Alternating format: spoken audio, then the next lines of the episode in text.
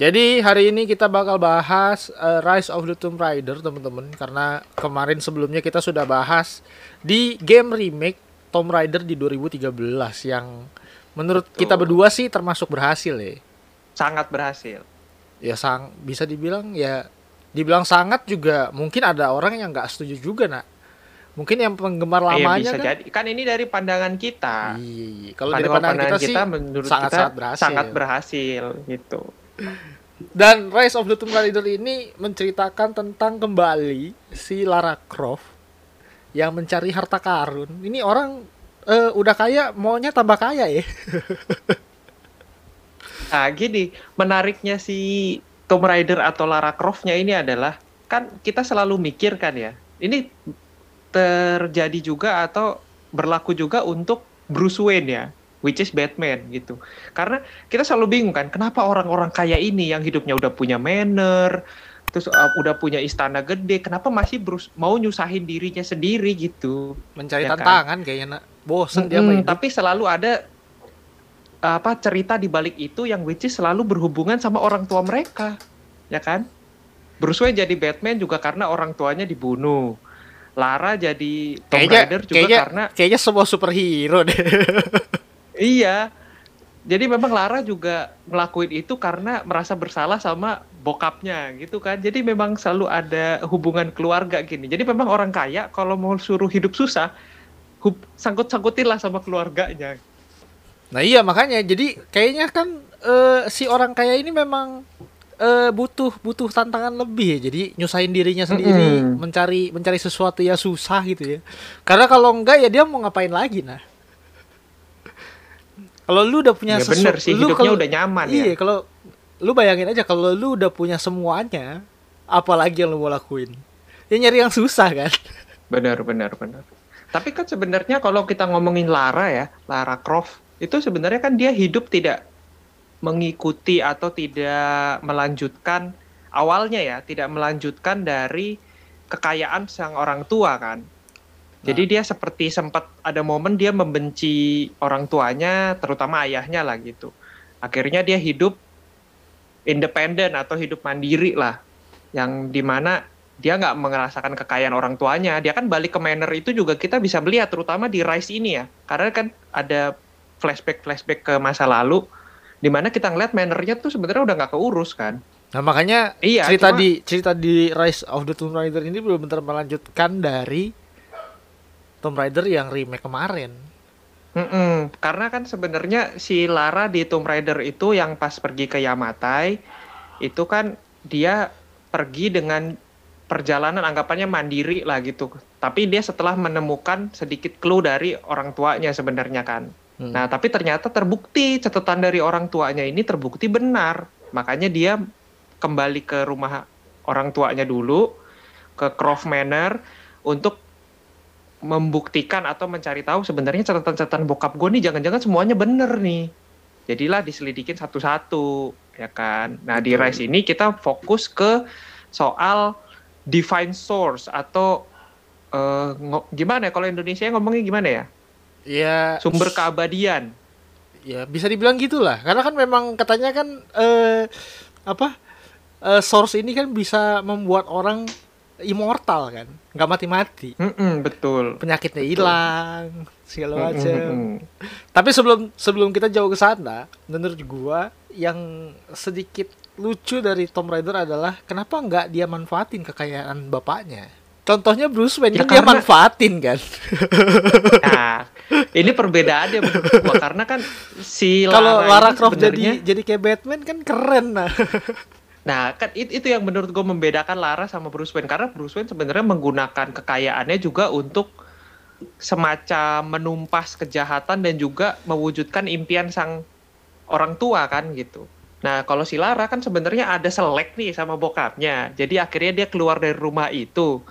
Kalau gue ngeliat mah sebenarnya selama ekspedisi mah dia pakai pakai uang bokapnya juga gitu untuk iya. pergi-pergi ekspedisi. So, soalnya nyewa, -nyewa. soalnya ekspedisinya tuh nyewa kapal, nyewa perahu, pesawat, kayaknya santai aja gitu. Mm -mm, nggak murah gitu. Jadi kayak mau, pergi ke Siberia tinggal pesen. Iya. Kan? ya kayak gak mikir gitu gue harus ke Siberia ditahan ditahan tahan sama Jonah temannya kan tapi tetap aja santai aja gitu kayak anda punya uang ternyata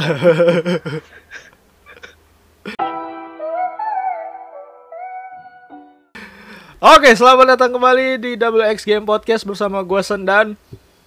gue Krisna Hari ini seperti yang tadi di awal kita mau bahas soal Nioh 2. eh bukan kita mau bahas tentang Sekiro Enggak, bukan juga. kan tadi ngomonginnya Tomb Raider. Kenapa Oh, jadi iya, ngomongin iya. game susah? Nanti kita bikin segmen sendiri lah untuk game-game yang menyusahkan hidup ya. Temanya.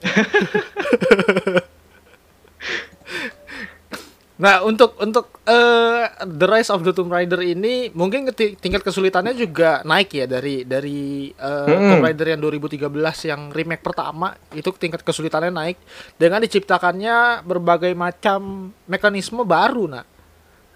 Mm-mm, benar benar benar meskipun sebenarnya kalau dibilang baru dan baru sih baru tapi kalau dibilang banyak nggak juga sebenarnya mekanisme yang baru ini tapi ada dan menurut gua vital dan krusial untuk perkembangannya si Lara terutama ya Betul. Nah, sebelum kita eh, ngobrolin lebih jauh lagi nih, yang pertanyaan gua karena gua kan nggak ngikutin eh, Tomb Raider dari awal ya, lu kan lebih ngikutin Hmm. kan kesannya. Nah, eh, di di eh, cerita originalnya itu di game PS1, di Sega, Nintendo gitu ya, itu ada Jonah gak sih? Kenapa ada Jonah di sini? Karena menurut gue pertama kali gue main di The Rise of the Tomb Raider, mungkin gue pikir kan cuma tinggal si Laranya doang kan. Dia lanjutin Mhm. lagi nih perjalanan. Ternyata ada Jonah ngikut dari yang pertama. betul Dan teman-teman yang lain kenapa nggak ngikut gitu? benar benar benar dan eh, seingat gua sih kayak nggak ada deh Nggak ada kan? Berarti si memang Jonah ini kayaknya memang- karakter baru ya. karakter baru iya karena gua nggak inget nonton terutama ya kalau gua game dulu kalau ngomongin game uh, Tomb Raider yang dulu yang klasik itu kan sebenarnya kita nggak gitu dikasih sosok Story, sidekick betul. kan ya tapi lebih kepada ya memang kita nyelesain puzzle-puzzle di uh, Tomb-nya. apa tum-tum ini aja gitu kan nah jadi gua nggak gitu inget ada sosok di luar Lara untuk gamenya tapi kalau di film which is yang dimainin Angelina Jolie itu gue juga tidak ingat ada sosok yang bentuknya kayak Jonah Bentuknya dong. Maksudnya Jonah ini kan kalau lu ngelihat sebenarnya dia ikonik banget kan, terutama di Tomb Raider yang pertama ya, karena bentuknya kan masih tribe banget kan. Kalau yang di Rise ini kan dia udah civilized lah, udah more urban lah gitu dandanannya dia. Kalau di Tomb Raider yang 2013 kan dia lebih kelihatan kayak orang suku banget nih dengan tato-tato tribal di tangannya gitu. Enggak lah, bajunya kan masih baju modern yang di 2013 juga. Iya dong, masa dia pakai baju suku nggak gitu-gitu amat juga, woy. Dan yang Cuma paling kan dan yang paling maksud- yang paling menonjol adalah gemuk. Mm-mm, betul. Dan karena di apa di Rise ini kan dia brewokan, terus rambutnya sekarang jadi agak-agak kribo gitu kan. Kalau yang itu kan Masa sih? rambutnya kelihatan ya emang kribo kan? Enggak lebih keribu emangnya jadinya. Kayaknya menurut gua Ya, rambutnya sama-sama aja deh. Enggak, lu lihat dong. Yang di Tomb Raider yang pertama tuh rambutnya yang undercut, abis itu dikuncir belakangnya. Sementara di Rise itu rambutnya kribo dan berjenggot. Oh iya bener bener bener. Di Nah, di yang kan pertama yang yang, di pertama belum belum masih bewok tipis ya, bewok tipis. Mm-mm, dan itu kan kelihatan banget tipikal jenis rambut orang-orang tribe gitu kan, orang-orang yang lebih apa eh, etnik lah gitu. Tapi sementara untuk yang Rice kan dia kelihatannya orang kota banget nih potongan rambutnya. Iya, iya, rambutnya jadi jadi keribo eh, jadi keribo bener. Mm-mm. Gue nggak ngeh loh soal itu. Soalnya yang gue lihat ya hanya muka dan tatonya aja yang udah ikonik. Si Jonah. Nah, masalahnya kan di Rice di Rice itu nggak ada loh sama sekali dia nunjukin tato karena kan kita main di tempat dingin, which is pakai baju full bahkan pakai jaket. Tapi itu kan awal-awal, pas di tengah-tengah kan udah enggak. Karena kan dia pas sudah masuk ke eh source tahu, eh, untuk Jonah ya, gua, kita lagi ngomongin Jonah kan. Untuk Hmm. Jonah tuh sampai akhir dia pakai jaket terus, Pak. Masa sih? Iya. pakai jaket yang musim Wah. dinginnya dia itu yang warna biru. Kayaknya memang Jonah gua nggak terlalu ini banget ya. Nggak terlalu perhatiin, terlalu salfok sama Nah, kalau- Lara. Karena perubahan Lara Nah, yang di jadi. 2013 Tapi Lara- ke Rise itu signifikan nah. Perbedaan Betul. perbedaan Tapi meskipun itu juga ini ya. Apa? di Rise ini kita tidak diberikan lagi Lara dengan tank top ya. Iya, Tapi udah dengan baju lengan panjang, kaos lah, kaos lengan panjang lah gitu. Tank topnya agak ditinggalkan karena memang secara lokasi tidak mungkin pakai tank top dong. Iya. Pas awal-awal sih masih ya yang yang pas yang pas dia masih pas awal-awal masih. yang pas dia naik pesawat terus jatuh tuh pesawatnya. Mm-mm. Pokoknya awal-awal gitu mulu ya, pesawatnya jatuh. Emang selalu memang selalu Pesawatnya gitu. jatuh, eh, Bahkan- kapalnya tenggelam. Bahkan kan sebelum dia naik sebelum dia naik pesawat itu kan sempat ada yang dia naik dia sempat kayak kira-kira datang ke suatu tempat abis itu naik jeep itu terus Mhm. diserang sama Hmm. suatu pesawat ditembakin pasti ada aja tuh kejadian kayak Iya, gitu tuh nggak ada. boleh lancar aja hidupnya Lara Dan anehnya nggak mati. bener Sedangkan supirnya Nah, semua tuh. mati loh. Itu makanya apa terutama di race ini ya dari awal sampai akhir tuh kita sering banget di diposisikan di momen Lara itu bener-bener hampir harus mati ya? berhadapan sama me- machine gun Dan nggak mati-mati. dan nggak kena bahkan jangankan mati dan nggak kena satupun sampai Iya, akhir iya, iya.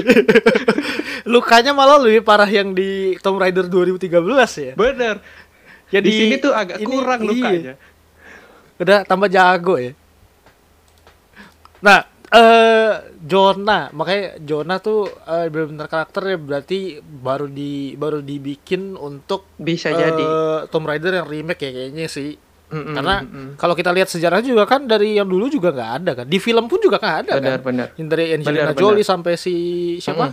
Kalau kalau untuk buku gua nggak tahu ya bukunya eh, si komiknya Tomb Raider ini gua nggak tahu sebenarnya ada Jonah atau atau enggak karena gua nggak ngikutin bukunya tapi Sama. secara ingatan gua di film saya tak seingat gua tidak ada Ya apalagi Atau apalagi, apalagi tidak filmnya pernah dimunculkan apalagi gitu. di filmnya Angelina Jolie menurut gua udah nggak mungkin Angelina Jolie-nya udah OP banget, Pak.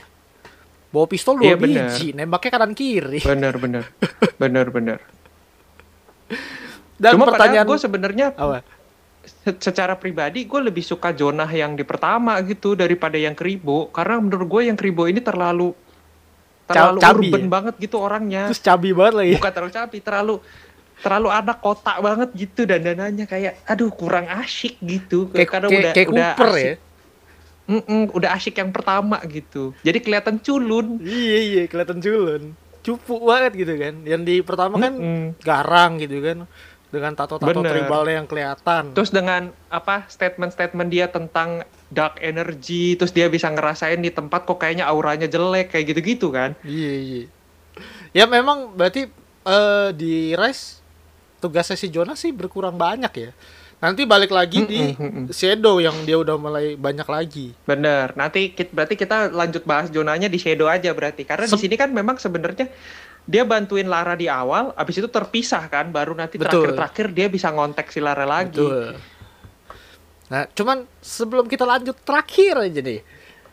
Kalau gue jadi Jonah ya, baper gue sama Lara. Dia gak Kayaknya baper gua, se- secara menurut gua logikanya, maksudnya baper baper yang lu maksud nih baper ke arah mana dulu nih? Ya suka lah. Laranya cantik begitu, Nah. apalagi apalagi yang Nah. pas di Rise kan ber- mukanya bener-bener berubah, nak. Udah Iya, iya, udah nggak benar, udah nggak udah nggak kayak anak-anak ABG lagi gitu kan. Udah mm, dewasa banget kelihatannya. Nah itu eh, kalau menurut gua sebenarnya Jonah memang suka sama Lara gitu. Kalau nggak ngapain ngintilin ya? ngapain lu udah terpisah berhari-hari terus lu berusaha naik ke satu gunung es yang lu juga nggak tahu si Lara ada di mana terus random aja gitu lu jalan secara random gitu siapa sih kalau lu gak suka tuh kan gak mungkin Cuman nggak pernah ada love line ya di Tomb Raider. ya. bener. ya karena kalau ngomongin yang pertama pun ya sebenarnya Jonah nggak gini-gini amat kan nggak kayak di Rise Nah. kalau yang pertama tuh di, disuruh nunggu di kapal nunggu dia Nah. dengan dengan adem ayem nunggu tapi di sini kenapa lu out of nowhere lu tiba-tiba ngejar-ngejar gitu. Nah, itu salah satu faktor yang men-trigger gue kenapa menanyakan hal ini. Karena yang di Hmm. pertama kan benar-benar kelihatan banget kan, dia orang juga baru kenal, gak terlalu dekat-dekat banget, terus akhirnya baru saling Hmm, percaya gitu kan. Nah, terus pas dilanjut ke Rise, si Jonahnya ini ada lagi ngikutin si Lara gitu kan. Bener bener. Cuman satu-satunya temen yang ngikutin dari ekspedisi pertama gitu kan. Bener. Dan kelihatan banget maksudnya diskusi-diskusi antara Lara dengan Jonah ini, Lara tuh selalu sering banget gitu loh minta pendapatnya si Jonah. Jadi seakan-akan pendapatnya Jonah tuh penting gitu untuk Lara. Berasa penting dia. Berasa Hmm. penting dia. Padahal dimanfaatin yang, yang kayak doang. pada saat yang kayak pada Di saat ngediskusiin Lara bilang mau ke Kitesh aja kan si Jonah sempet menentang dengan keras kan Betul, yang pas di rumahnya di Croft Manor itu betul. ya kan tapi si Laranya kan kekeh dia bilang ya udah kalau lu mau pergi gua ikut dia bilang gitu Jagain gitu. Bucin juga Nah, ya. cuma- lu iya bucin nah cuma lu udah sempet nyebutin soal Jonah adalah satu-satunya yang tersisa dari ekspedisi di Tomb Raider yang pertama. Nah Betul. itu sebenarnya yang gua sayangkan. Gue sebenarnya menunggu untuk Rise ya terutama menunggu kemunculan lagi dari Sam, Nah, itu. dari Samantha. Nah maksud gua kalau Reyes karena kan oke karena kan lah. karena kan karena- Samantha diceritain di Tomb Raider yang 2013 kan besties banget. Iya, besties kan. banget kan. Temen baik banget gitu loh. Mm-mm, maksudnya jadi udah bahkan kita sempat dikasih lihat foto wisuda mereka yang bener-bener nempel banget gitu loh kesannya ini best friend banget nih.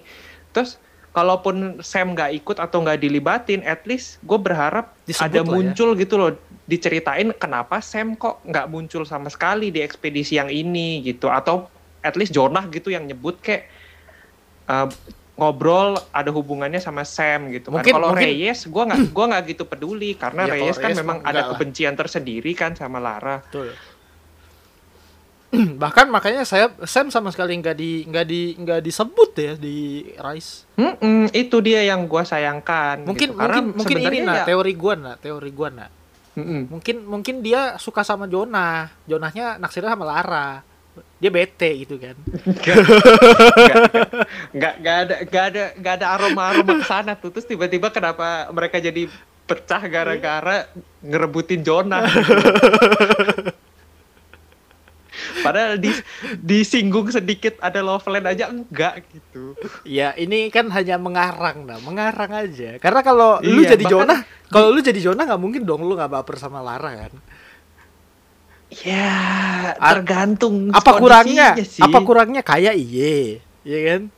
Cakep iye, tapi muda tapi iye, pinter cari mati iye. pak Nggak apa-apa. Kalau dia mati nggak pun kan hartanya gimana? masih buat kita nak. Yang nggak gitu, gitu logikanya nggak gitu Oke lah, biar daripada kita nanti ngelantur makin panjang makin lebar, kita mulai masuk ke storynya di Rise ya, supaya nggak terlalu panjang juga. Karena kan eh, setting ceritanya ini sebenarnya cuman satu tahun lah dari ekspedisi pertama loh, yang di Yamata ya. bener Jadi which is nggak terlalu panjang dong. Tapi bener kenapa karakternya akhirnya diribut? Dari tekstur eh face-nya Lara terutama ya. Itu benar-benar diubah lagi kan. Disempurnakan lagi Mm, jadi mm, mm. benar-benar dewasa banget kelihatannya. mungkin menurut gue ya me- ini kan sebenarnya selisihnya berapa tahun sih nih ya kalau nggak salah tuh Rise itu 2015 15. ya 16 15 15. 2015 which is berarti dua tahun kemudian kan kayaknya feeling gua eh apa eh, Crystal Dynamics itu memang maunya mukanya Lara tuh kayak di Rise tapi pada saat itu mereka belum punya teknologinya Jadi, Jadi masih, mereka masih yang menggunakan- pertama. Mm-mm, menggunakan teknologi semampu mereka untuk membentuk muka Lara seperti yang di reboot yang pertama gitu. Tapi sebenarnya menurut gua achievement mereka tuh ya yang Rise dan Shadow terutama. Karena karena kan face-nya di Shadow pun juga kan masih ngambil yang dari Rise kan. Mm-mm, nah makanya kan sepertinya mereka udah ketemu kliknya. Oh Lara nih kayaknya cocoknya pasnya kayak gini nih. Jadi kayaknya sepertinya agak ngeraba-raba gitu masih yang di ini apa di reboot yang pertama itu.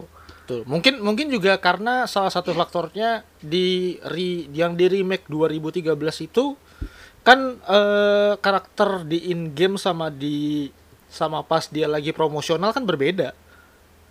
Betul. Yang promosional kan lebih mirip sama yang Rise. Mm -mm. Iya kan? Jadi ya makanya benar-benar diciptain semirip itu akhirnya ya jadilah Lara yang sekarang. Makanya Benar, benar. Lara yang di sini benar-benar lebih cantik lagi. Bener dan apa eh, tekstur yang ada di mukanya tuh lebih semakin terlihat jelas ya. Betul. Maksudnya eh, untuk di Rise ini dibandingkan pada saat eh, di Tomb Raider yang pertama gitu. Betul. Dan salah satu salah satu yang gue seneng adalah eh, karena ini kan udah udah bukan ekspedisi pertama ya. Jadi dia bukan rookie lagi lah untuk untuk Betul. jadi seorang Tomb Raider gitu kan. Jadi dia udah Betul. punya pengalaman yang pertama gitu kan di Yamata yang hampir mati gitu kan. Nah pas dia balik di Rise, gue seneng pas nge- pas ngeliat dia nggak pakai tank top dan hot pants lagi.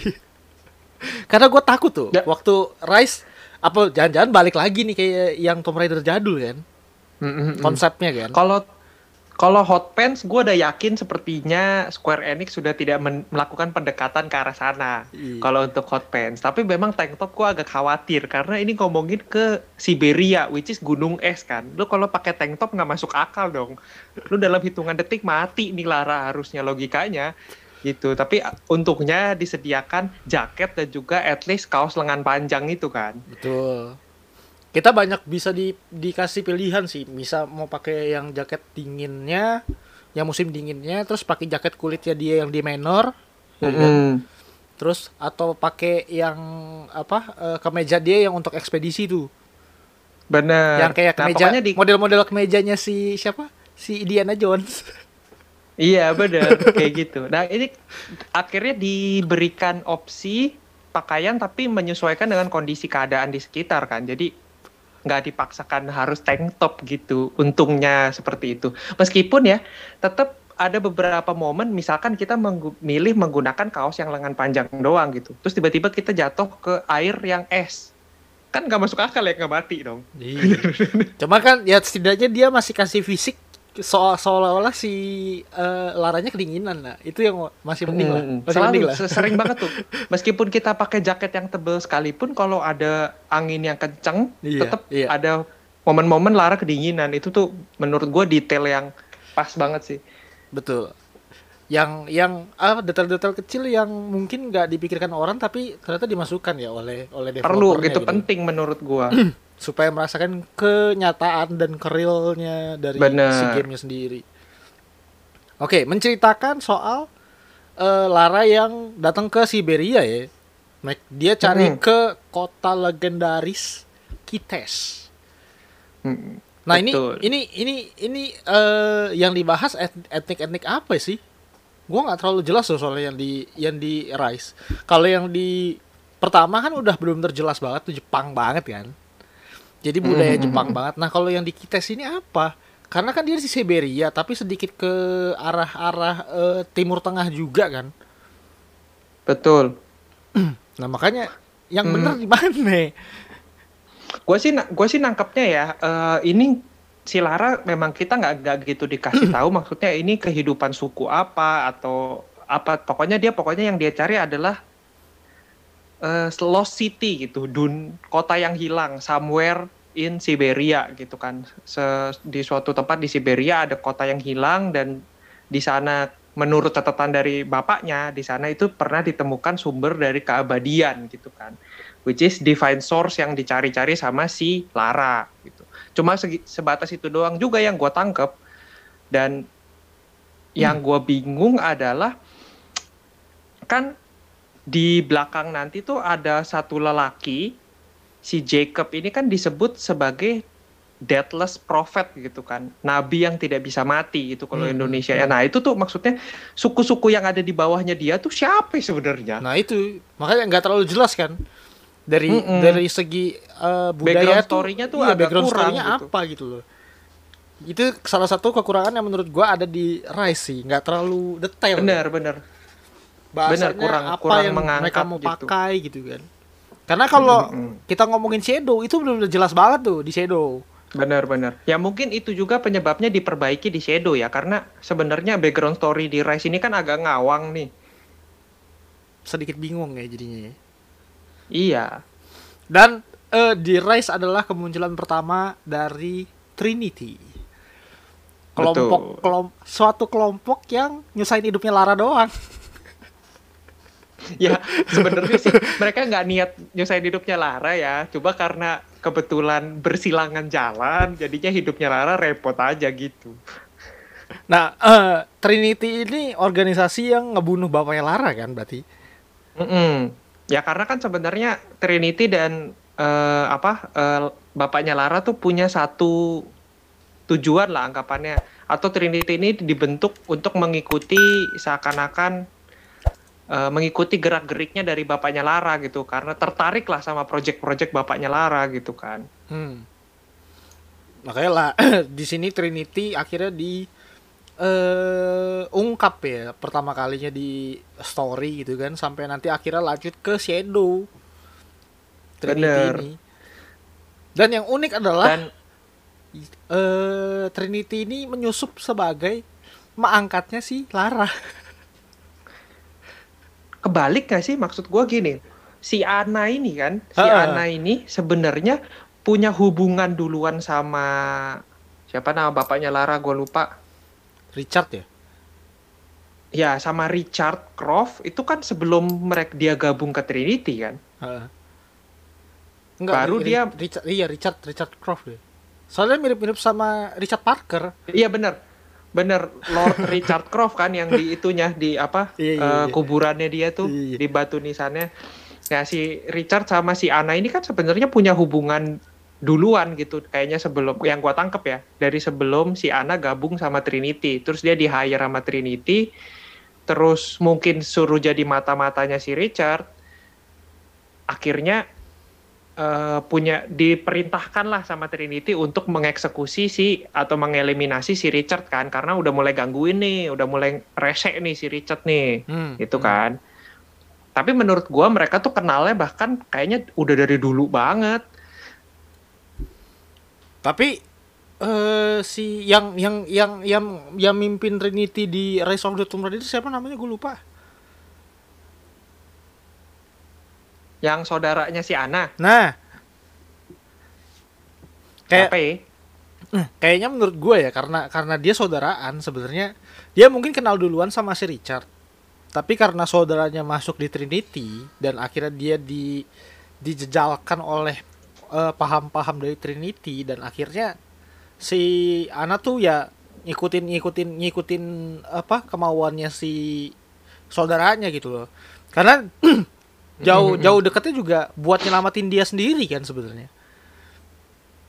Benar benar. Yang sakit kan si Ana terutama sebenernya. oh ini namanya Konstantin. Oh iya si Konstantin. Nah si ya, Konstantin ini ya kan, kan memang mau nyelamatin si, si Ana kan? Benar benar. Nah sebenarnya si Ana tuh kayaknya punya attachment tersendiri sama Richard gitu. Jadi pada saat Trinity minta untuk Richard dieksekusi dia agak dilema gitu kan. Iya, menurut kayaknya siapa, punya gitu punya ya? Problematik gitu. Jadi maksudnya gue gue tetap gue tetap anak buah Trinity tapi ya gue nggak mau lah disuruh bunuh Richard gitu. Akhirnya ya Richardnya dibunuh sama Trinity langsung gitu. Walaupun bukan Konstantin ya ternyata yang ngebunuh. Bener. Dan nanti baru terungkap di Shadow. Mm -mm, bener Nah itu, kalau itu nanti kita bahas nanti lah supaya tidak jadi spoiler. Nggak apa-apa, kita kasih kisi-kisi sedikit jadi biar pada penasaran juga kan kalau ada yang belum belum belum mainin gamenya gitu kan. Nah makanya eh di sebenarnya kalau misalkan gue bilang ya di di story ini eh dari Rise ke Shadow itu benar-benar eh, sangkut paut banget. Tapi di mm -hmm. yang 2013 yang di pertama kali mereka reboot itu bener-bener cuman hanya menceritakan si Lara saat awalnya doang. Jadi nggak nyambung ke Rai sebenarnya. Jadi oh, menurut gue nyambung. Karena gini uh, perjalanan Lara ke Yamatai itu menurut gue jadi katalis atau jadi batu loncatannya si Lara untuk dia mau membuka lagi data-data si ayah, data-data si Richard, which is akhirnya terhubung ke Kitesh dan terhubung ke Trinity gitu menurut gua kalau si Lara nggak ke Yamatai dan ketemu Sun Queen menurut gua dia nggak akan ada tuh ngurusi catatan-catatan bapaknya yang udah usang di rumah itu Ya mungkin relate-nya hanya di situ sih. Cuman maksud gua dari Mm-mm, dari, relate-nya memang dari memang segi jalan cerita kan bener-bener seperti Enggak, brand enggak. baru gitu loh. Di Mm-mm. Rise tuh bener-bener Mm-mm. cerita Tapi baru memang lagi. menurut gua penting banget gitu eh, apa yang pertama ini yang perjalanan ke Yamata ini penting banget karena awal mula Lara sadar kalau sebenarnya catatan-catatan tentang mitos yang ditulis bapaknya tuh sebenarnya ternyata benar gitu. betul. Jadi selama ini catatan-catatan yang atau buku-buku dari si Richard yang dicuekin sama Lara itu ternyata ada kebenarannya. Itu yang bikin Lara akhirnya kan eh, mulai perjalanan dengan lebih serius gitu kan. Betul. Jadi menurut gue penting banget yang Tomb Raider yang pertama karena kalau tidak ada jadinya aneh gitu tiba-tiba Laranya pengen ah gue pengen jalan-jalan ke ya, jatuhnya Siberia jatuh- gitu, jatuhnya catatan jatuhnya kayak gua. jatuhnya kayak Tomb Raider klasik lagi yang nggak entah berantah tiba-tiba jago. Mm-mm. Ka- karena kan sebenarnya Tomb Raider yang pertama itu kan memberikan kita penjelasan tentang motivasinya Lara tuh sebenarnya mulai dari mana sih gitu kan. Hmm, Nah betul, ini betul. jadi Tomb Raider pertama tuh ngasih kita motivasinya Lara jadi seorang Tomb Raider tuh asalnya dari sini loh gitu. terus pengalaman dia manjat segala macam itu udah dapetnya bener-bener dari yang game Mm-mm. pertama ya. Iya, terus di Rise kan akhirnya dia punya dua tuh. Dia dia sudah mempersiapkan dari rumah ya, bawa dua yang buat manjat es itu kan. Iya, kapak esnya. Kapak esnya jadi dua. Dia udah sudah tahu gua akan butuh dua gitu karena satu ini berat nih. Betul. dan itulah dan itulah salah satu mekanisme pembaruan dari Tomb Raider yang sebelumnya ke Rise. Dia sudah bisa Bener. pakai dua kapak es. Jadi untuk manjat ke dindingnya itu apalagi kalau yang di eh, Rise juga kan benar-benar relate banget kan karena mainnya di Siberia banyak Hmm. pegunungan es. Benar-benar kapak es tuh benar-benar kelihatan berguna banget gitu. Berguna banget, benar-benar. Dan Terus manjatnya ada mekanisme baru yang di mana kita dikasih banyak berenang ya kalau di sini ya. Hmm. Berenang dan nyelam itu udah hal yang wajar banget di sini. Nggak kayak di eh, Tomb Raider pertama kan nyelamnya cuman sesekali doang dan benar-benar cuma Hmm. ngikutin story aja kan. Iya iya iya. Karena memang sebenarnya nggak banyak momen di yang pertama itu untuk kita berhubungan sama air atau nyelam ke dalam air kan. Karena kita main di atas gunung kan sebenarnya. Kalau ini kan gunung es, which is pasti ada area-area yang ada mencair-mencairnya lah gitu. Ada airnya pasti. Betul dan yang pertama Nah, kan itu tuh, badai ya. nah badai. Bener. Susah kan main di air susah karena badai. Iya, udah Ombaknya gede. ombak kan dah, mati. Nah, makanya sampai akhirnya eh si Lara tuh eh dapat dapat informasi dari catatan bapaknya dia akhirnya ke Kites ya kan mencari kota yang hilang akhirnya dia ketemu kan dan ternyata pas dia sampai sana Konstantin dengan Trinity juga sudah sampai di sana dan Sudah di sana. Sudah. Selalu begitu ya. iya selalu begitu dan diledakin lagi masuknya gak mau cari cara cara masuk yang Mm-mm. lebih nyantai kayak Lara gitu loh Maksudnya gini loh, gue bingung nah di, di titik itu ya, gue bingung sebenarnya sama logikanya Trinity, terutama Konstantin dan Ana. Maksudnya ini lu main di gunung es, kita tahu nih gunung es nih dari pelajaran di buku sekolah aja, kita tahu kalau gunung es itu kalau kita kasih getaran yang cukup kuat aja bisa longsor. Iya, Gitu. runtuh Ini lu ledakin tuh. Ya, lu nggak takut satu gunung roboh gitu kan? betul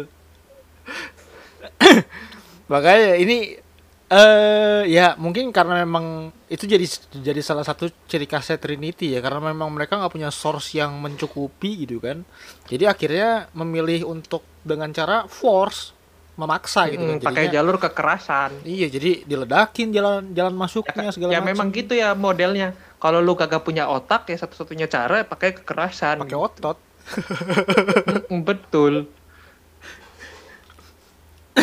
dan eh apa banyak banyak tebing-tebing yang eh, menjulang tinggi juga di Siberia di sini ceritanya juga. Jadi si Lara juga punya punya eh, mekanisme baru yang dia bisa lompat terus lempar lempar ininya nak. Lempar kapaknya. Iya, pakai tali ya. Sekarang Iya. ada tali yang di ada pengaitnya ujungnya which is kalau lompat eh, lompat yang jauh banget kita nggak nyampe. Sekarang kita punya alternatif. betul Ya kan? Ada physics baru nih. iya Gitu. Dan ini juga sama gue mau nanya, larinya berubah nggak sih?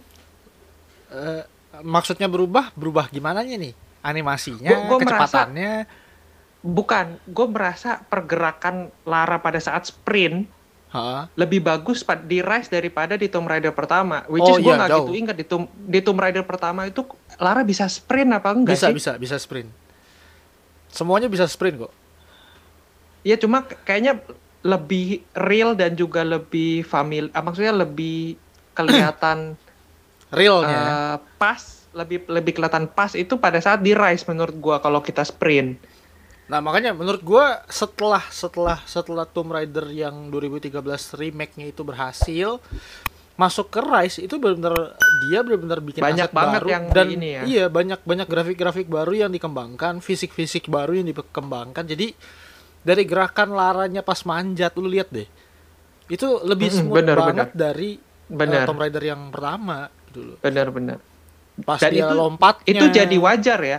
Iya. Itu jadi wajar karena kita ngelihat Lara ini di Tomb Raider yang pertama tuh kelihatan banget kayak orang baru belajar gitu loh. betul Ya di kan? sini udah Dan benar dia udah expert lah Mm-mm, udah lebih advance lagi gitu kemampuannya. Jadi dia manjat, dia lompat itu kelihatan lebih smooth dan timingnya tuh kelihatan lebih pas gitu.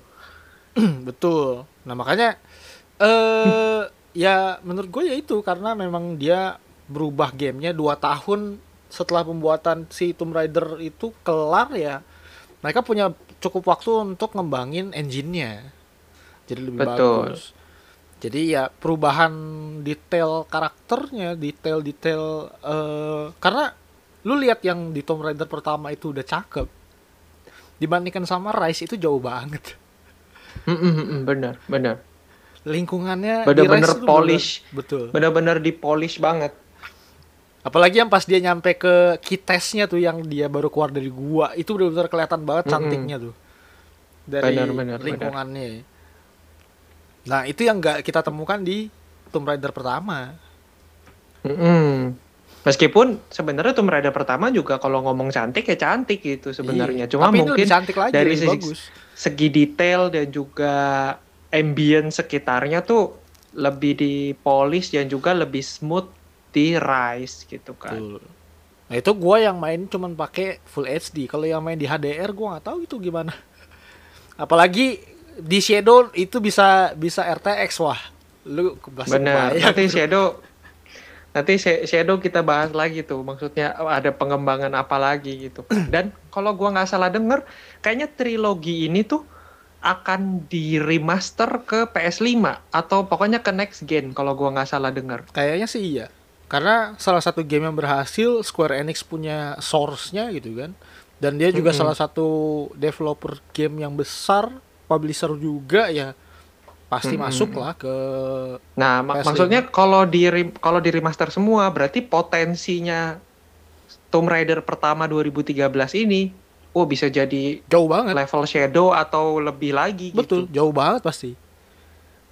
Dan lu bisa bayangin berapa betapa bagus ya itu game jadinya. Mm-mm. Kita bisa melihat Sun Queen lebih lebih mantep lagi gitu. Iya. Dan yang masih nggak ketinggalan adalah di di senjata. Senjatanya masih tetap dia pakai panah di sini. Betul, panah dan masih ketemu ya dan ketemu jenis-jenis panah baru ya di sini. Ada armor piercing meskipun poison kita kan udah ket- udah ketemu kan ya sebenarnya. Betul. di yang pertama juga terus panah api juga kita udah ketemu di sini tuh ada yang eh, panah kejut dan juga yang ini ya panah yang bisa nembus ke baju zirah Betul. Nah, eh, perbedaannya juga kan kalau yang di pertama ya dia ketemu gitu kan. Kalau yang di Rise ini kan benar-benar dia bawa panahnya. bener iya iya Jadi jadi eh memang memang dari developernya juga mendevelop kalau si Lara ini udah nggak udah nggak zaman pakai senjata api itu loh. Karena kalau lu mainin di in gamenya lebih enak pakai senjata api atau pakai panah, jauh lebih enak pakai panah. Pakai karena- panah meskipun sepanjang game kita tetap dikasih ya ada senjata-senjata api tetap dapat handgun Itu tetap kalau- dapat shotgun itu gitu kan itu kalau misalkan eh, karena kan di di Tomb Raider juga kan tetap diajarkan cara main stealth-nya juga kan. betul Nah kalau stealth-nya gagal ya mau nggak mau pakai itu. Karena kalau lu Mm-mm. udah ketahuan diserang tiga orang nggak mungkin pakai panah, narik panahnya nggak keburu. iya blow on itu namanya apalagi dia nggak bisa melee attack lagi cuman cuman bisa pakai kapak Bener, doang bener. bener jadi Dan ya meskipun ya menurut gua eh, apa stealth killnya si Lara ini ag- sebenarnya agak berisik ya. Men gue bingung kenapa nggak pernah pada denger saat kan kita stealth yang yang menggunakan panah yang nyekek orang itu pakai panah itu kayaknya berisik banget sebenarnya menurut gua tapi kenapa gak ada yang denger gitu. dan dan apa eh, kelihatan kelihatan ini loh kelihatan jelas kalau dia lagi nyekek orang gitu loh iya, dan itu kan maksudnya gerakannya tuh rusuh banget gitu. Iya. Bukan yang kayak bukan yang kayak stealth killnya 47 misalkan gitu Hitman. Ya kan yang langsung tusuk mati atau langsung bius pingsan gitu. Tapi ini ada strugglingnya dulu which is rusuh banget, Betul, heboh dan betul. juga ribut gitu. dan ini gua ada satu pertanyaan buat lu nak kalau lu- pas lu main Assassin's Creed Assassin's, eh, kita lihat kita dengerin Assassin's Creed gitu ya kalau misalnya Assassin's Creed kalau misalkan lu stealth bunuh orang terus lu kabur ada prajurit lain yang lihat mayatnya ketahuan ya atau dia nyari ya Ketahuan. nyari ya? Oh nyari nyari, nggak nggak langsung ketahuan siapa tapi dia nyari. tapi dia nyari ya berarti Ha-ha. memang pendekatan si Tomb Raider lebih ke Assassin's Creed Iya memang memang dicari. Jadi memang kalau ngelihat jenazah di orang-orang sekitar tuh akan kaget, wih ada jenazah di sini nih. Terus mereka akan Alert, kan? kayak anggapannya alert gitu. Iya udah Langsung masuk waspada ke semua waspada ngeluarin senjata tapi hanya dalam waktu tertentu. Kalau mereka udah keliling-keliling nggak ada orang, udah normal lagi. Iya, Gitu. mayat temennya dicuekin aja gitu. Goblok. iya. Nah itu salah satu salah, salah satu kekurangan menurut gue yang dari game stealth-nya ya. Kalau karena kalau stealth lu habis bunuh orang, lu lu ngumpet lagi gitu kan. Terus ada petugas lain yang lihat terus jadi curiga nyari lu nggak ketemu terus dia langsung balik lagi ke posnya kayak kurang masuk akal gitu loh nak. Tapi memang kalau kita ngelihat ya, hampir semua game yang ada stealth-nya kurang lebih eh, fisiknya kayak gitu memang Sen.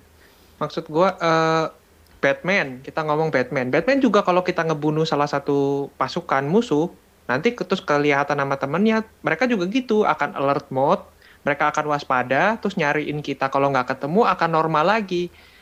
Yang setahu gua yang tidak maksudnya tetap alert terus yang nyariin kita ke mana-mana sampai ketemu itu cuma The Last of Us Part 2 setahu gua Nah, kalau kalau misalkan kayak begitu menurut gue jauh lebih real. Walaupun memang jadinya ke tingkat ke tingkat kesulitan gamenya lebih susah ya jadinya.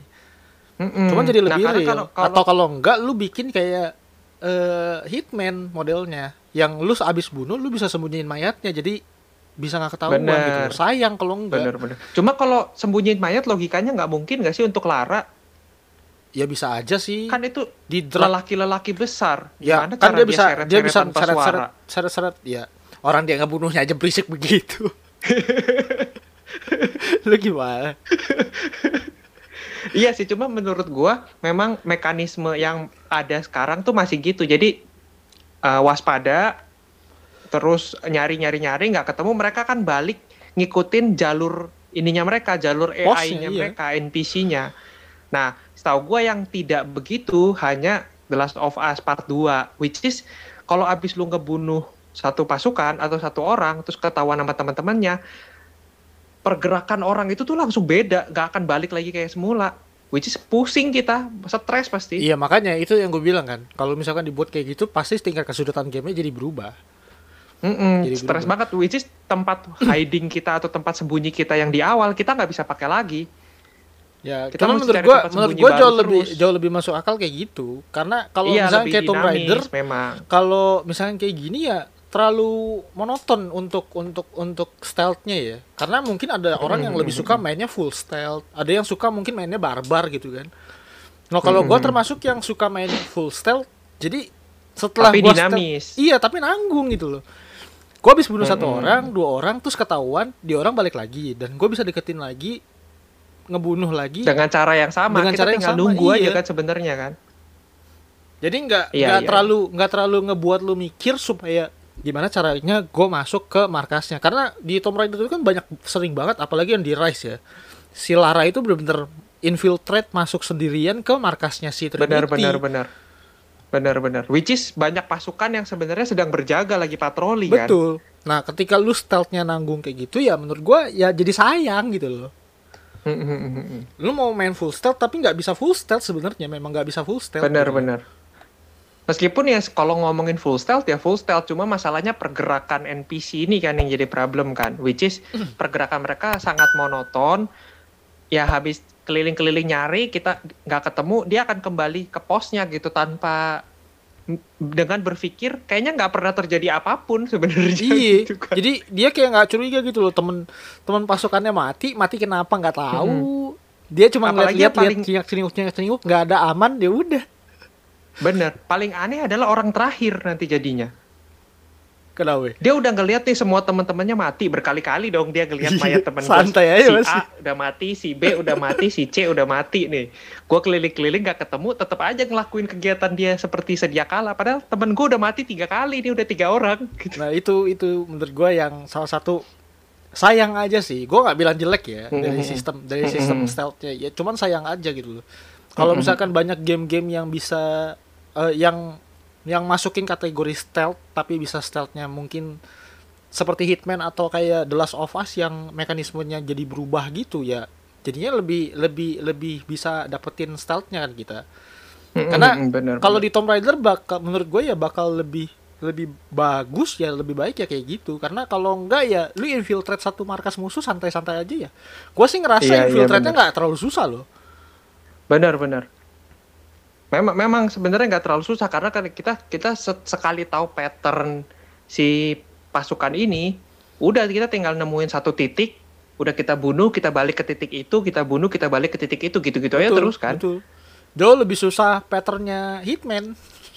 Iya kalau Hitman. Padahal lu bisa nyamar kalau loh Hitman tapi tetap aja lebih Iya, kalau susah Hitman makanya disediakan nyamar kan Hitman. Karena kalau kita ketahuan atau dicurigai oleh salah satu orang, orang itu tuh bisa tiba-tiba entah lapor bosnya terus entah ada pasukan bantuan datang kan which is kan jadi pattern baru kan. gue sih berharap nanti ke depannya ya ke depan ke depannya Tomb Raider baru gitu kan.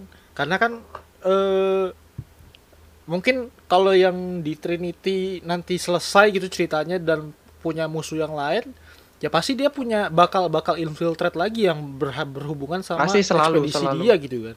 Dari film-filmnya juga kan kayak gitu Selalu. Maksudnya ini tuh kan memang Lara Croft itu eh, terkenal dan kecenderungannya adalah stealth heavy kan dia. Maksudnya wi- meskipun gak ada Trinity pun lu harus masuk ke situ karena pasti selalu ada pasukan yang ngejagain di situ. Which is yang pertama kan Stormguard yang di Yamatai itu kan. Di Iya. sini kita juga ada Deathless Army di sini. nah itu Selalu ada pasukan-pasukan yang ngejaga si tum-tumnya ini pasti gitu dan which is itu bukan pasukan yang bisa dikalahin Lara gitu. betul Jadi pasti harus sembunyi-sembunyi. Selalu pasti stealth ini tuh jadi faktor kunci si Lara untuk infiltrate ke suatu tempat yang lagi dia selidikin itu pasti. Betul. Makanya memang sistem yang lu bilang ke depannya kalau bisa jadi semakin dinamis, semakin menarik. Mak- semakin menarik Kitanya juga jauh.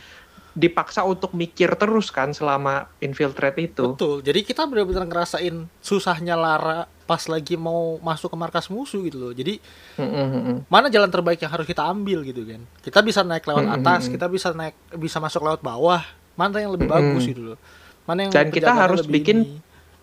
banyak plan gitu kan plan A B C karena misalkan plan A tiba-tiba kita udah mikir oh jalan itu kosong habis itu setelah kita bunuh satu orang ternyata jalan itu sekarang ada yang jagain Iya. berarti kan kita mesti mikir cara lain gitu kan Iya. Menurut gue jadinya lebih seru aja sih kayak gitu ya. Karena Mm, mm, mm. Lara Croft nggak terlepas dari stealth lah. Mm-mm, tapi mungkin ya mungkin nih menurut gua eh, kenapa si developernya tidak memaksakan untuk se-heavy stealth itu karena ya nggak banyak orang yang siap betul. untuk segitu ribetnya gitu untuk lu Infiltrate, mainin suatu betul. game. Mereka kan maunya main nyaman ya seperti kata Aldo dari The Lazy Monday gitu kan. Ya pokoknya kalau mau main kan oh, banyak orang main game itu untuk nyari nyaman gitu. Jadinya Nyari fun, nyari kalau fun. dibikin terlalu ribet dan terlalu susah, mungkin banyak yang main setengah terus ditinggal gamenya. Tuh. Mungkin kita bisa berkaca sama Assassin's Creed aja sendiri kan yang sebenarnya dia assassin gitu kan yang harus stealth. Ya stealthnya juga masih modelnya begitu kan. Iya iya benar. Dan N- apa AI AI NPC-nya pun dia masih gitu-gitu aja gitu. Iya. Nah, Even kalau lu mau selevel kapten pun tetap pergerakannya ya monoton-monoton aja. iya. bedanya nggak bisa langsung dibunuh aja. Iya. Pas di pas di stealth kill darahnya cuma setengah kekurangnya. Atau bisa ditangkis gitu kan sama Iya. dia. Iya, itu sih ke depannya harapan gua untuk untuk untuk stealth game si Tomb Raider Ya atau karena- mungkin boleh dikasih di stealth ini ke dalam leveling gitu kan. Yang kita kan biasa milih easy, medium, hard, extra Iya, gitu iya, kan. iya, Ya mungkin kalau kita mau yang tipenya dinamis, mungkin ditaruh di level hard atau master gitu. Kalau yang mau yang santai-santai, taruhnya di easy atau medium gitu. betul. Jadi mungkin bisa tuh dimainin di situ apa eh, kompleksitas dari AI-nya kan. betul. Karena ini juga berpengaruh ke playtime, nak, menurut gua. Benar, benar. Karena karena eh, banyak kayak gua sendiri juga merasa Rise of the Tomb Raider itu story-nya lebih pendek dibandingkan Tomb Raider yang pertama. Dan mungkin Benar, banyak orang juga memang. yang merasa seperti itu. Padahal kalau lu Benar, lihat dari dari developernya sendiri juga, mereka bilang ini panjang ceritanya sama kayak Tomb Raider yang 2013. Gak ada bedanya. benar, benar. Cuma masalahnya player kan sudah makin advance maininnya. Cara dan stealth-nya juga laranya pun makin advance. Nah, senja persenjataannya. Nah, jadinya gue sih ngerasa makin ke Rise itu jadinya lebih gampang gitu loh mainnya. Mm-mm. Gue lebih stres main yang di Tomb Raider pertama ya. Karena laranya juga masih kagok gitu kan. Iya. Terus persenjataan kita terbatas. Mekanismenya masih sedikit. Mm-mm, benar.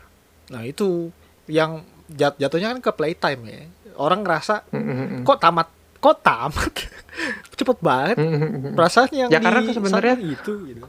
Kalau kita ngomongin logikanya memang harusnya ya Lara tidak mungkin segitu mudahnya menerobos suatu pasukan dari organisasi yang udah gede gitu loh. Which is ini kan kita ngomongin Trinity yang organisasi besar gitu kan. Betul. Ya masa dia nggak hire mercenary segoblok-goblok itu kan nggak mungkin gitu kan. Pasti mereka punya mercenary juga yang udah terlatih itu. Iyalah, tapi tentara pada kok kenyataannya, ya pada kenyataannya Lara gampang. bisa kalahin mereka gitu. sampai dikejar-kejar di kepung Orang di diri. kepung nggak mati-mati emang Mm-mm, ini game seharusnya kayak- bukan Tomb Raider ya Die Hard yang susah mati iya. Nah, kalau kita bandingin sama yang pertama yang apa suku-suku yang ada di Yamata itu kan sebenarnya mereka bukan tentara kan, tapi orang biasa yang terjebak di pulau itu ya akhirnya terus merubah diri jadi dilatih tentara kan sama iya. si si Matias itu kan, which is kan Betul. mereka ya mungkin terpaksa gitu loh atau bukan dari sananya terlatih gitu, Ya. jadi memang lebih barbarik gitu. ya bisa dibilang Tapi civil, kalau ini kan civil ngomong- army lah Mm-mm, kalau benar. ini kan Nah, benar kalau yang army terlatih dan dibayar gitu. dan terlalu mudah Tapi gitu kesannya- jadi. Tapi kesannya Lara kok lebih gampang nerobos yang ini daripada yang pada saat di Yamatai. karena playernya juga udah tambah jago dah main ini ya. Iya. Dan mekanismenya gitu-gitu aja kan. Iya, cuma beberapa mekanisme-mekanisme baru ya. Oke, eh, sebelum kita tutup, kita eh eh, apa? Kita kuk simpulkan dari story-nya. Makanya dari story-nya ini akhirnya si Lara eh, ngelihat si Ana berkhianat ya. Karena Mm-mm. itu salah, salah satu tu- plot twist yang menurut gua gua cukup kaget sih. Pas si si Laranya terjebak, ya kan? Dikurung dibawa sama Konstantin, ternyata pas dia bangun ngelihat Ana kirain kan diculik juga kan. Eh ternyata Bener, bener. bagiannya Trinity gitu. loh. Iya. Berasa di berasa ditusuk dari belakang dia.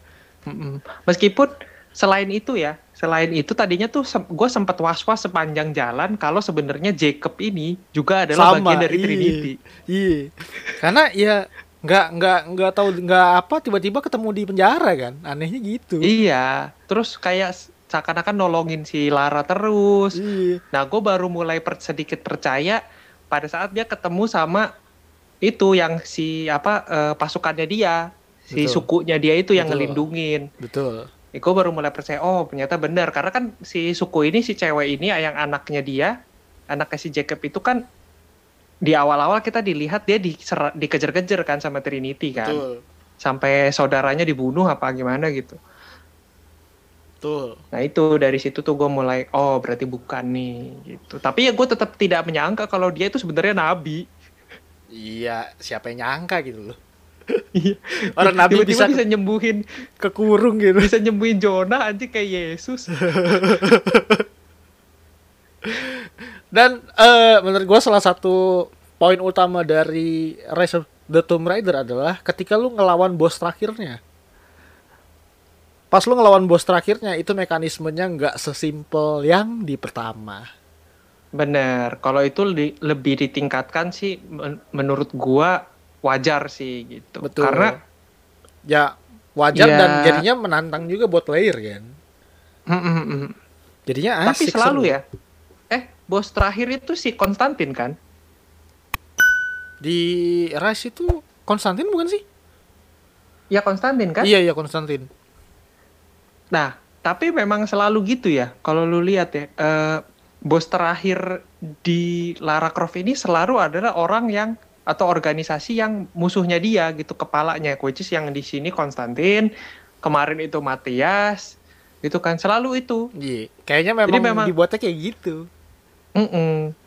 Dan selalu tampak lebih susah ngalahin si bos terakhir, which is orang nih kan Konstantin Hmm. dan Matias ini manusia ya. Hmm. daripada ngelawan satu lawan satu lawan pasukan yang halu gitu Iya. atau kalau di yang pertama Stormguard kalau yang ini Deathless Army gitu kalau satu lawan satu lawan mereka kayaknya lebih gampang gitu ngalahinnya daripada ngalahin si bos terakhir ini padahal Ya, kan bos terakhir ini namanya- orang ya Namanya juga bos terakhir kan. Nah, kalau gampang jadinya bos pertama dong.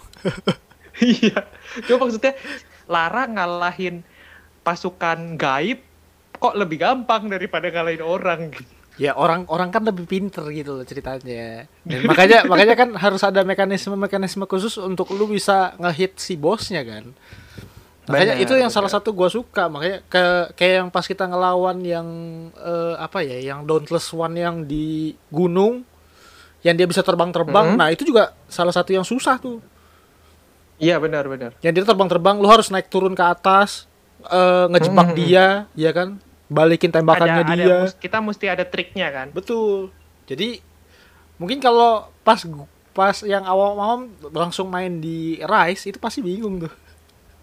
Oh iyalah, jadi susah. Ini Jadi gimana susah cara lawan bosnya gue tembakin gak kena-kena, gak mati-mati gitu. kan. Mm-mm. Karena sebenarnya mekanisme itu kalau lu udah nguasain di Tomb Raider pertama, sebenarnya familiar-familiar aja gitu. Betul. Mekanismenya ya. Oke, dan eh, di endingnya ya eh, bisa dibilang mau dibilang happy ending juga nggak terlalu happy ending ya karena bener-bener disambungin ke eh, trilogi berikutnya gitu loh. Si Laranya Mm-mm, masih bilang gantung. Iya, karena si Lara kan terakhir masih sama si Jonah bilang kita masih ada yang lain. Benar, benar, benar. Dan kita juga tahu gitu nggak mungkin dong Tiba-tiba Apa, selesai. eh, bokapnya si Lara cuma bikin satu penelitian kan pasti banyak gitu kita tahu penelitian-penelitian goib ini pasti banyak gitu. Dan cuma gua gua pikir tadinya kan lu tahu ya ada DLC kan ini? Betul, ada DLC. ada ada dua DLC kalau gua nggak salah. Dan gua pikir tadinya DLC ini itu akan melengkapi cerita atau plot hole yang ada di Rise tadinya gue pikir Tapi tapi ternyata setelah ditelusuri nggak gitu Enggak, kan? penting ternyata DLC-nya. that's why that's why kalau gua sih nggak terlalu mainin DLC ya. Sem- dari dari rata-rata semua game yang gua mainin biasanya DLC gua nggak mainin. Nah. Karena menurut Karena- gua ya DLC benar cuma tambahan game doang. Iya karena ada beberapa game yang eh, DLC-nya itu sebenarnya menjelaskan ada beberapa potongan yang mungkin kosong gitu di cerita yang ada di game aslinya Betul, gitu. Jadi betul, memang misalkan aja. kita ada pertanyaan-pertanyaan aneh, dijawabnya di DLC ada tuh game yang kayak gitu. Makanya gua kecenderungan gua memang mengikuti gi- DLC-nya juga. Tapi di sini ya nggak DLC yang penting. pertama lebih keliling-keliling di mannernya doang gitu kan. Kayak gitu penting ya. Mm-mm. Ya meskipun kita untuk DLC yang Blood Ties itu nggak tahu deh lu udah mainin atau belum. Gue Hmm, nggak mainin, tapi gue itu belum cuma- sama sekali Tomb Raider DLC gue nggak mainin sama sekali. eh, kalau gitu gue jelasin dikit ya. Eh, untuk yang Blood Ties itu sebenarnya kita cuma dibuat keliling-keliling di Croft Manor uh, sambil menemukan kayak kertas-kertas bersejarah atau nostalgia benda-benda nostalgianya Lara sampai di titik ternyata di di bawah tanahnya si Croft Manor itu ada makamnya si mamanya Lara. Oh. Cuma sampai di situ doang. Habis habis itu. Sementara yang satu lagi pada saat si di Siberia ketemu orang random yang minta tolong sama dia aja gitu. Ya. Oke, berarti uh, secara story ya uh, dibilang lebih kaya ya jauh lebih kaya di Rise ya, ya dibandingkan di Tomb Raider yang pertama karena memang seperti yang tadi gue bilang dari awal juga Rise ini ya jadi jadi titik baru si Lara untuk melanjutin uh, petualangannya gitu loh. Karena kan yang di Tomb Raider nah. pertama benar-benar cuma ngejelasin bagaimana asal mulanya si Lara menjadi Lara Croft yang sekarang supaya mm -hmm. enggak supaya enggak tiba-tiba jago aja gitu kan. Iya iya iya iya. Jadi dan dan yang seperti tadi Krisna bilang juga mungkin ya jadi trigger juga si Lara untuk uh, ngebuka kembali kasus-kasus yang pernah di uh, selidikin sama bapaknya si Lara si Richard kan mm -hmm. Richard Croft. Jadinya benar-benar uh, menjadi titik baru si Lara untuk berpetualang ekspedisi dan ditambah dengan temannya yang sangat bucin si John lah. Benar. Meskipun gue tetap berharap ya okay. uh, ke depannya uh, Tomb Raider yang berikutnya tuh kita bisa menemukan Samantha lagi. Gitu. Iya, sama, karena Samantha juga sama cantiknya sama Lara. Gue juga bener, suka bener. itu Samantha.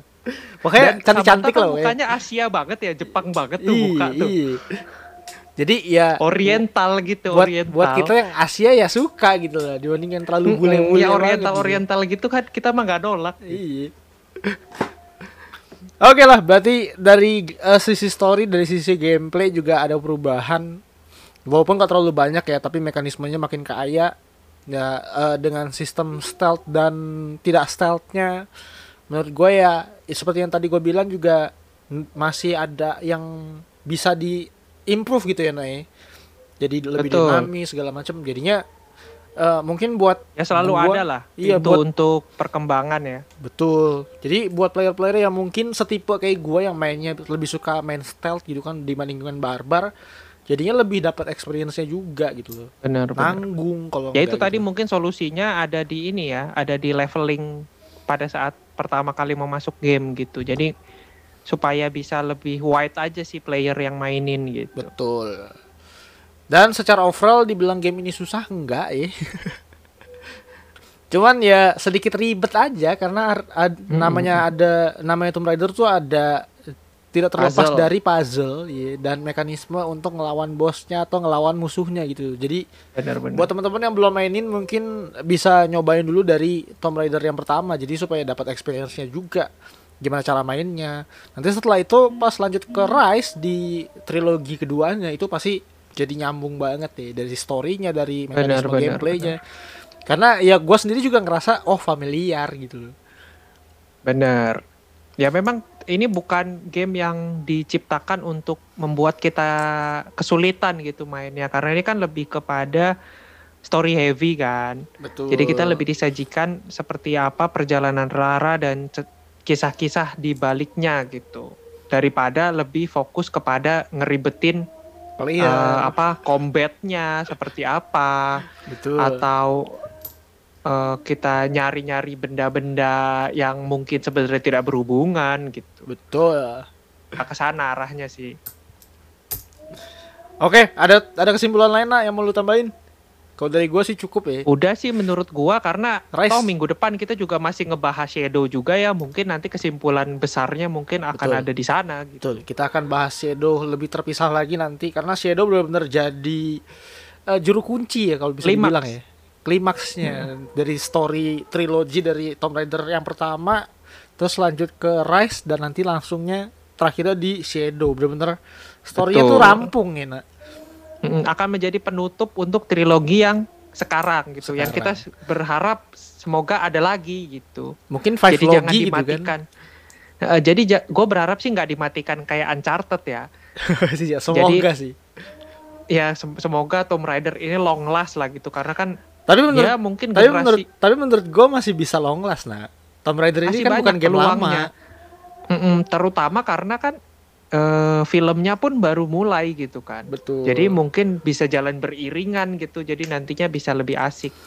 Oke, kalau kayak gitu, thank you banget yang sudah mendengarkan dan menonton kita ya teman-teman ya. Jangan lupa eh untuk kalau misalkan masih bingung dengan pembahasan kita yang hari ini yang mengenai Rise of the Tomb Raider, mungkin bisa nonton atau ngedengerin podcast kita sebelumnya untuk di Tomb Raider yang pertama.